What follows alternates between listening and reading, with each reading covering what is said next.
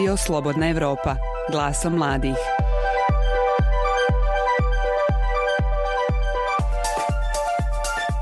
Jedanaestog marta ove godine Svjetska zdravstvena organizacija proglasila je pandemiju koronavirusa. Zaraza koja uzrokuje bolest nazvanu COVID-19 proširila se iz Kine u sve dijelove svijeta, a danas je Europa u epicentru širenja ove bolesti. Uvedene su mjere kretanja, zabranjena su veća okupljanja, ljudima se savjetuje da ostanu u kućama, a onima koji pokazuju simptome COVID-19 ili dolaze iz rizičnih područja da ostanu u obaveznoj izolaciji 14 dana. Ostani kod kuće zvaničan je hashtag ovih dana kojima se savjetuje ljudima da se što manje kreću te da se odluče na samoizolaciju. Ovo je Glaso mladih, podcast Radija Slobodna Evropa u kojem svake sedmice razgovaramo sa mladim, talentovanim i uspješnim ljudima sa Zapadnog Balkana. No imajući u vidu pandemiju, veoma brzo širenje koronavirusa kao i veliku mogućnost zaraze, ovo sedmično izdanje podcasta bit će malo drugačije. Odnosno koristit ćemo danas jednu od omiljenih formi komunikacije mladih ljudi, glasovne poruke. Ja sam Una Čilić i u ovoj epizodi ni ja ni gosti nećemo biti u studiju. Ja sam u samoizolaciji kao i ljudi čije ćete poruke čuti u nastavku. Biti zatvoren 24 sata dnevno, svojevoljno ili ne, nije jednostavna stvar, tako da nam u ovim momentima internet pruža osnovnu vezu sa svijetom. Moji gosti dolaze iz različitih država i poslali su nam glasovne poruke o njihovim životima u samoizolaciji. Ostanite sa nama i poslušajte. Slušate podcast Glaso mladih. Prethodne epizode pronađite na slobodnaevropa.org ili na Google i Apple podcast aplikacijama.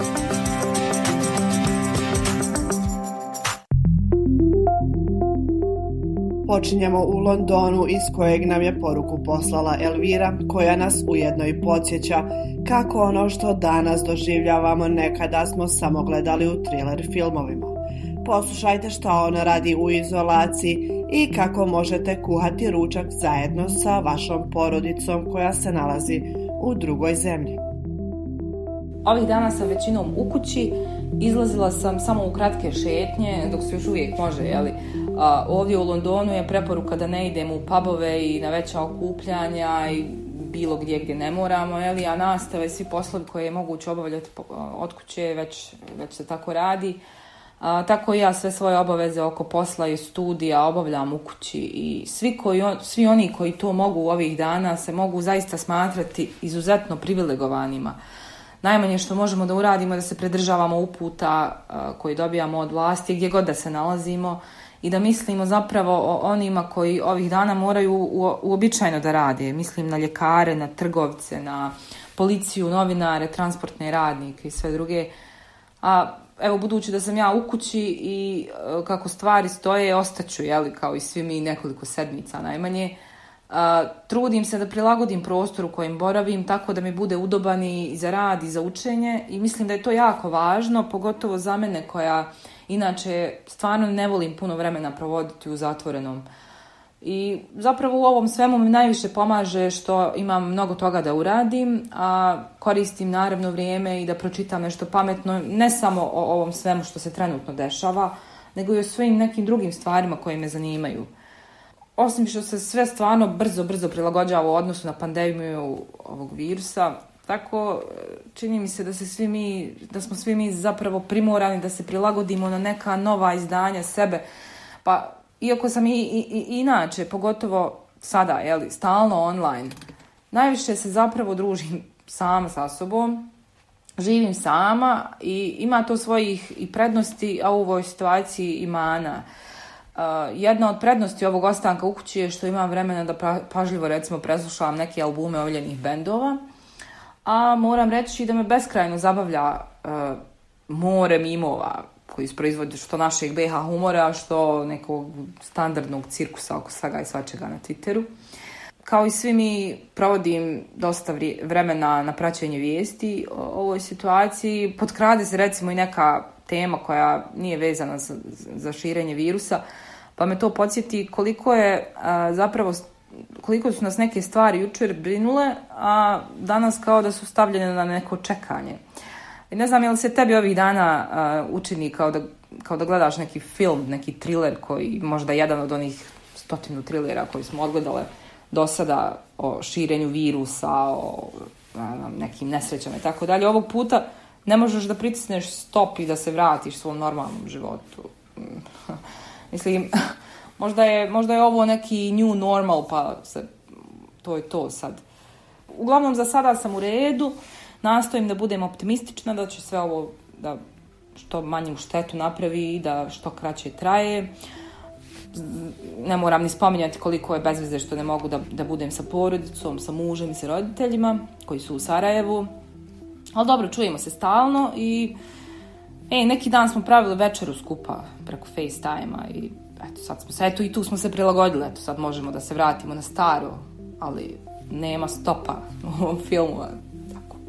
Uglavnom, trudim se da uh, radim posao i da radim za studij sve ono što sam trebala da radim inače, prilagođavamo se, mislim da će biti sve ok, mislim da nas nekako humor može uh, kao i u svakoj nevolji malo podići duh, ali u suštini da ono, pokušamo da, da, da se prelagodimo novoj stvarnosti.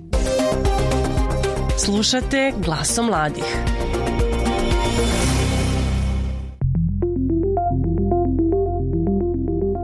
Nakon širenja koronavirusa van Kine i zemlje Zapadnog Balkana krenule su sa uvođenjem mjera kojima se nastoji smanjiti širenje virusa. Među njima je i Srbija koja je među prvim zapadno-balkanskim zemljama uvela i policijski sat. Iz Beograda nam se javio Miroslav. Slušamo njegovu poruku u kojoj nam preporučuje i knjige koje bismo mogli čitati za vrijeme izolacije. Nisam baš siguran da znam kako se osjećam povodom svega što se trenutno dešava oko mene, ali znam da mi veoma prija da jedan deo dana radim od kuće, a drugi deo dana provedem tako što moje mače i mi sedi u krilu i pak čitam nešto ili slušam zanimljivo.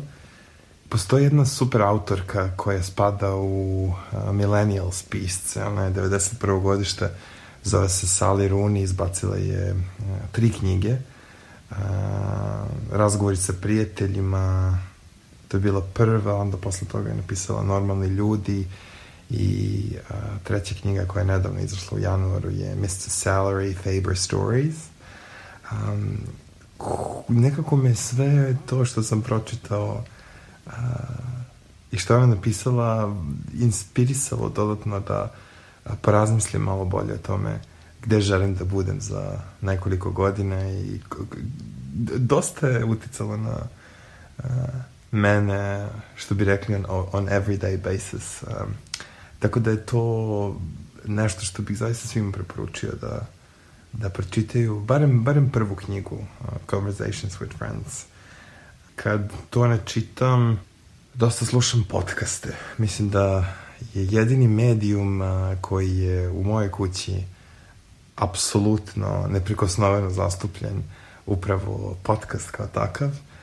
E sad dalje, postoji tu dosta još nekih tehnika i stvari koje ja praktikujem na dnevnom nivou, ne bih, se, ne bih li se mentalno osjećao bolje i sigurnije u sve ono što radim i ne bih li malo bolje ovu situaciju u kojoj smo svi um, razumeo i objasnio sebi.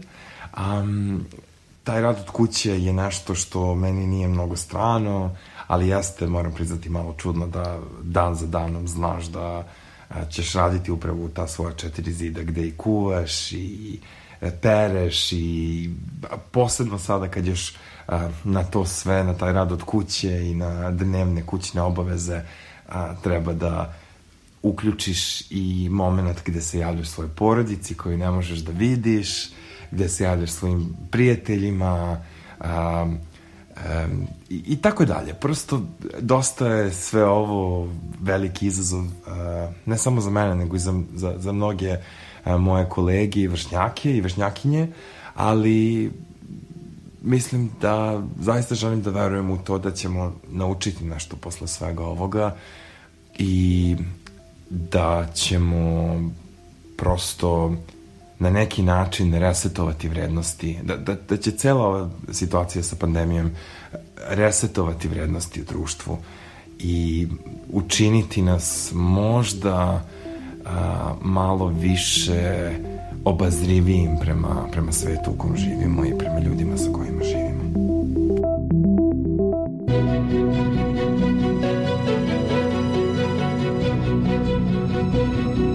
Slušate podcast Glaso mladih. Prethodne epizode pronađite na slobodnaevropa.org ili na Google i Apple podcast aplikacijama.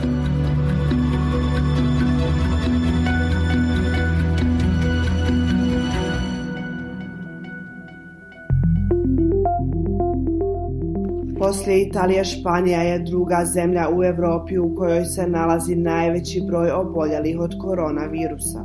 Jedan od naših sagovornika je i Imer koji živi u Barceloni. Za njega, kako navodi, spas u izolaciji je činjenica da može da radi online i od kuće, ali da provoditi vrijeme sam 24 sata dnevno danima nije jednostavno. Loše, jako loše, kako živim sam, nemam kućnih ljubimaca, pa eto, onaj, ubijam vrijeme nekako, fatam pauke i muhe po stanu, poznajem ih jedne s drugima i tako dalje. Šalim se, mislim, uglavnom zovem familiju, zovem prijatelje, nekako pokušavam održati neku komunikaciju.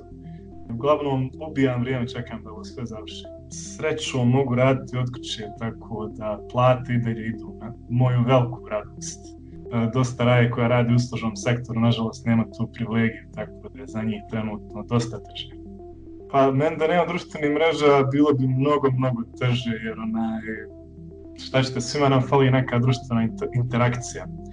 Pa makar ta neka malo slabija interakcija preko društvenih mreža dosta znači. Čak i ovako video poziv putem Skype-a, onaj, zadnje vrijeme zovem Raju na Google Hangouts, tako slično popijemo kafu jer nemamo drugog načina. Slušate Glaso mladih.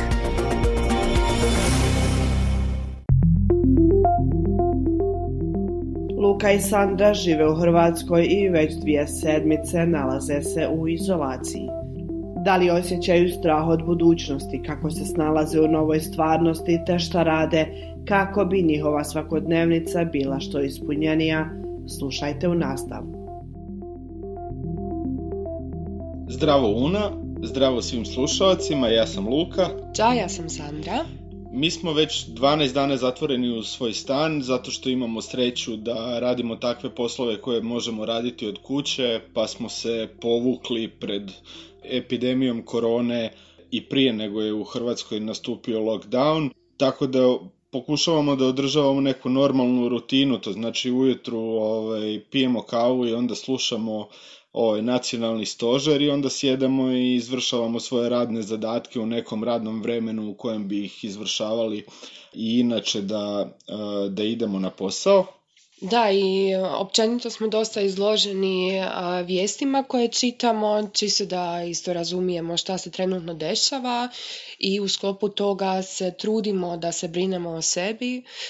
Međutim je strah koji osjećamo e, takav da e, brigom o sebi i nekakvim mindfulness vježbama naravno ne možemo da ga u potpunosti uklonimo. Ja osobno osjećam veliki strah od budućnosti koji je em uvjetovan aktualnoj situaciji, ali istovremeno osjećam da nemamo dovoljno adekvatne socijalne države koje nas i u socioekonomskom smislu zaista mogu zaštititi. Onda kako smo, kako smo tome izloženi, zapravo i kroz, e, kroz svoje poslove da moramo pratiti sve što se dešava i da to analiziramo i da pokušamo barem donekle minimalno koliko možemo e, da utječemo na razvoj situacije. Jako nam je, jako nam je važno da u čitavom tom kaosu loših vijesti, e, pandemije, pa onda ovi zemljotresi koji su, koji su bili u Zagrebu, da odvajamo vrijeme u kojem se isključujemo iz uh, svih tih negativnih priča i gdje, gdje se okrećemo nekim našim ovaj, nekim našim svakodnevnim stvarima u kućanstvu kao što je ribanje, kupatila i odlazak u u prodavnicu vikendom i isto tako da se čim više moguće čujemo ovaj, sa, sa ljudima koji su nam jako dragi. A istovremeno, barem se ja trudim baviti se nekom, nekim tipom e, tjelovježbe, isto se družimo, ovaj, trudimo se da se smijemo puno, barem u onim momentima u kojima imamo vremena za to i da kroz sve ovo na neki način plovimo pozitivnim emocijama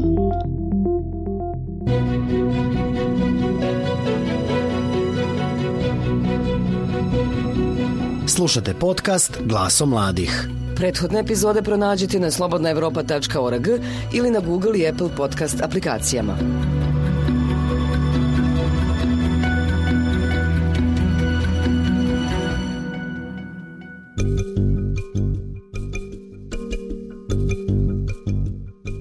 moru informacija kojima smo svi svake minute izloženi, veoma je lako naići i na one lažne. Strah od nepoznatog, panika i neizvjesnost grade i prostor u kojem nam danas lančanim porukama dolaze savjeti kako se boriti protiv koronavirusa. Na našim feedovima na mrežama vidimo razna navodna svjedočenja i razne teorije o situaciji u kojoj se cijeli svijet našao. No u ovom momentu najvažnije je da pratimo zvanične i provjerene informacije. Emir iz rasklinkavanja poslao nam je poruku u kojoj nam je pored opisa svoje nove stvarnosti rekao i gdje da nađemo provjerene podatke o pandemiji koronavirusa. Hej, čao, čao. A evo ja sam ovih dana sjajno, iskreno da ti kažem. Ovaj, pravo mi godi ova samoizolacija, odnosno ovaj povratak u rodni gradačac i povratak na mami režim ishrane. I realno kada sagledam kvalitet života mi se pravo popravi ono, redovna ishrana, kvalitetni obroci i sve to. Šal na stranu, evo me kao što rekao u rodnom radarcu. Osim toga što ne sjedim u kancelariji nego u dnevnom boravku, pa i nije se nešto puno toga promijenilo u mom životu tokom ove vanredne situacije. Slušam preporuke nadležne i preventivno ne izlazim iz kuće i trudim se vanjske kontakte imati samo onda kad zaista moram, odnosno kada moram otići do prodavnice. Osim toga, sjedim po cijeli dan sa laptopom u krilu i čitam šta sve pišu u mediji i šta dijeli Raja na društvenim mrežama i, i na aplikacijama za komunikaciju. I ono, čitam, gledam i ne vjerujem. Stvarno ne vjerujem koliko neprovjerenih, netačnih i već onako naprvu besmislenih vijesti i pogrešnih i netačnih savjeta se dijeli na internetu. Sve od stvarnih medija koji plasiraju takve stvari pa sve do lančanih poruka koje se dijele po Viberu, Whatsappu i Facebooku ono, redakcija raskrinkavanja zaista ne može da stigne da obradi sve što nam ljudi prijavljuju i sve na što mi nailazimo. Čak i u ovom vanrednom režimu u kojem imamo proširene kapacitete i u kojem smo cijelu organizaciju fokusirali na medijski fact-checking, ne možemo sve da stignemo. Internet je preplavljen izmišljenim receptima, savjetima za zaštitu, za zaobilaženje korone, pa čak i na postojećim lijekovima teorije zavjera o tome ko je i zašto kreirao koronu ne bi zaista ni da pobinjem. I sve ovo o čemu govori nam jako otežava posao, a mislimo i da sve to jako ozbiljno ugrožava javno zdravlje. Ljudi vjeruju zaista svemu i svačemu i bez razmišljanja dijele jako opasne i kontraproduktivne savjete i to je ono što me zapravo brine. Ali evo mi se trudimo da što više toga analiziramo, provjerimo i da objavimo koliko istine ima u tome što se dijeli na internetu.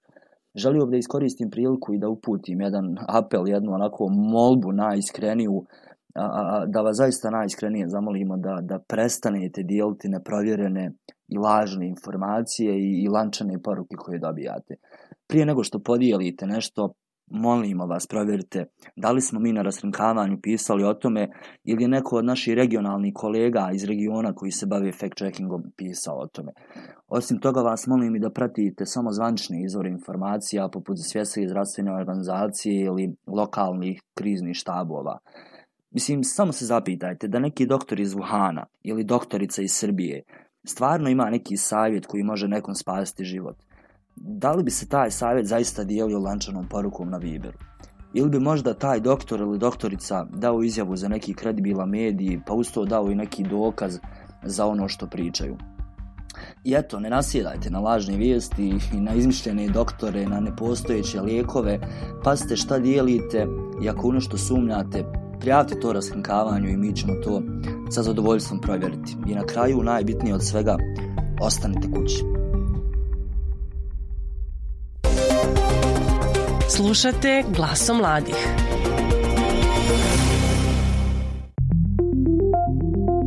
Haris koji radi kao urednik na satiričnom portalu Šatro Info također je imao poruku za nas. Zbog čega je važna izolacija, šta raditi, te da li je teško provesti 20 dana zatvoren u svom domu, saznajte u nastavku. Ovih dana sam odlučio da budem kući, da budem u izolaciji, prije svega zato što mi to moj posao dozvoljava, a s druge strane mislim da je to odgovorno ponašanje prema svojim sugrađanima, prijateljima, porodici i tako dalje. Ono što ja radim ovih dana jeste jedna kampanja koju vodimo na Šatro Info gdje nam ljudi šalju svoje video uradke gdje pričaju o tome šta vole da rade kad su kući pa možda i vi dobijete neku ideju od toga šta biste mogli raditi. Također ljudi govore zašto misle da je jako bitno da se ostane u izolaciji. To radimo zato što smo vidjeli da mnogo ljudi nije shvatilo ozbiljno tu izolaciju prvih dana pa a i sada dobijam neke informacije od prijatelja koji rade na terenu kao novinari da, da ima još uvijek jako puno onih ljudi koji se kreću bez obzira na, na sve ove aktivne mjere koje su uvedene.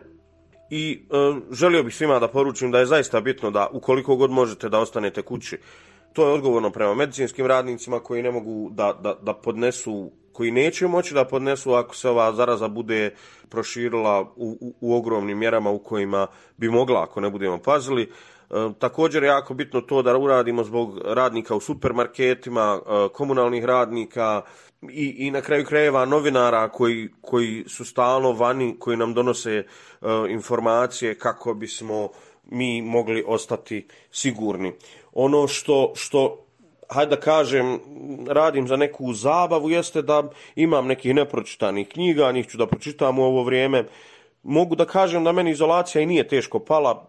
Jedan sam od onih ljudi koji može da mjesec dana bude kući bez problema i da mu nije dosadno ono, mogu da čitamo nekim totalno uh, uh, nasumično odabranim stvarima koje me zanimaju, mogu reći da mi je to neka mana u životu, jer me mnogo stvari interesira i može da mi zaokupi pažnju jer me zanima kako stvari rade, kako funkcionišu, šta se desilo nekad puno ranije i tako dalje.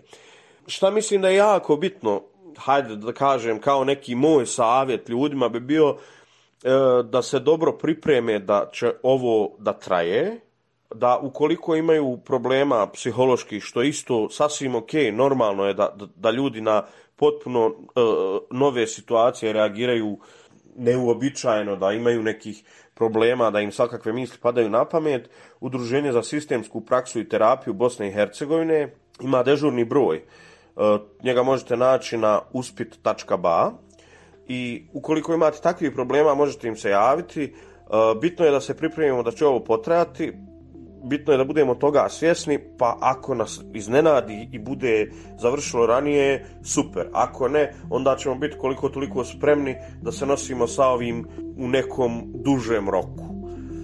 Tako da, hajmo, hajmo pobijediti ovu koronu i nadamo se nastaviti normalan život uskoro.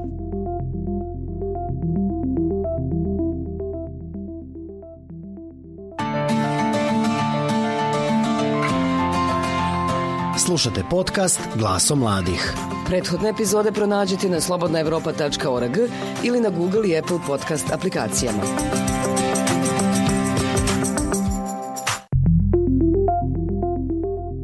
Ponovo se vraćamo u Španiju iz koje nam se javila Kanita. Ona je također za nas snimala video dnevnik koji možete pogledati na našem Facebook profilu. Ja radim od kuće, moj muž također, znači sve što možemo završiti preko interneta završavamo. Ako ništa, moj muž i ja smo se malo bolje upoznali ova četiri dana. imam osjećaj da ako ovako nastavi stvari da ću mu reći da izađe na ulicu i da ću ja platiti kaznu, nije problem. Svaki dan stvari postaju malo komplikovanije, ne možemo uopšte izaći iz kuće. Mene su jučer zvali da doniram krv jer imam krvnu grupu dosta rijetko, onda su me zvali, ali onaj, zvala sam policiju, rekli su da bez odobrenja ne mogu izaći iz kuće, kad se donira krv mora se ići u autu sa drugom osobom, rekli su mi da ne smijem ići, tako da nisam otišla na kraju. Ne znam, danas sam se malo probudila i malo tužna i zabrinuta zbog situacije u Bosni i Hercegovini, zbog mojih roditelja, zbog mojih sestara. I na kraju idemo do ulica Sidneja, odakle nam se javila Aldijana, dok se priprema da krene u samoizolaciju. Pa poslušajmo šta planira raditi u narednim sedmicama. Ja danas počinjem svoju samoizolaciju i radit ću ono što moram. radit ću koliko mognem online, a i naravno imam ispite koje trebam da položim predavanje koje treba da slušam od ponedjeljka online. Moja samoizolacija će da podrazumijeva učenje, samoizgradnju, jačanje imuniteta, a konačno ću imati vremena za kuhanje i za malo više vremena provesti u kući.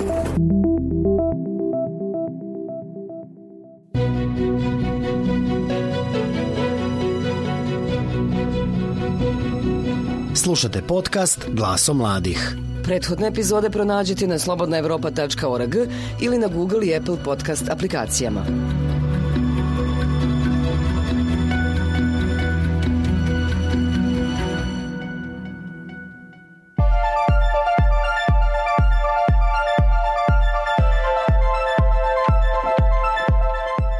Bilo sve u ovom izdanju Glaso mladih. Ja sam Una Čilić, a vi ste slušali poruke života u izolaciji. Ostanite i dalje sa nama. Ukoliko ste propustili prethodne epizode, možete ih pronaći na našem sajtu ili na Google i Apple podcast aplikacijama. Naše druge sadržaje također možete pronaći na slobodnaevropa.org kao i na društvenim mrežama Facebooku, Twitteru, Instagramu i YouTubeu gdje svakodnevno objavljujemo i posljednje informacije o pandemiji koronavirusa.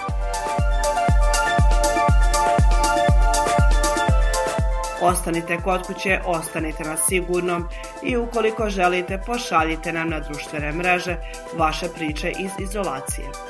Sa vama smo i naredne sedmice. Doviđenja.